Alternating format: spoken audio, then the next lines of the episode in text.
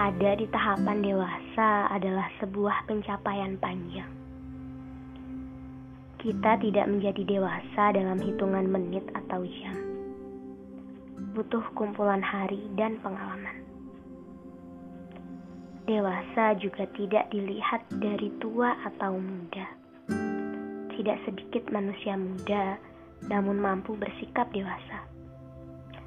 Banyak juga manusia dewasa namun bersikap kebalikan dari usianya. Mendewasa itu terjadi seiring berjalannya waktu, seiring berfungsinya nalar dalam diri.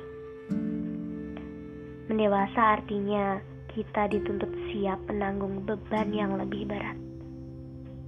Walau rasanya tak akan kuat, tapi karena kita sudah dewasa, kita menguat dengan sendirinya.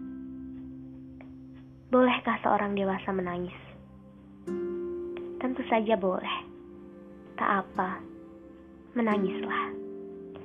Tumpahkan bendungan penat itu. Menangislah. Dunia tidak akan menertawakan.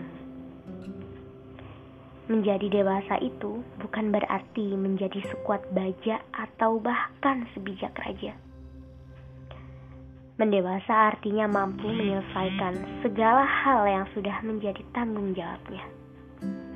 Tak apa menangis, tak apa merasa lelah, tak apa kadang ingin menyerah, tak apa membuat kesalahan, tak apa jika gagal.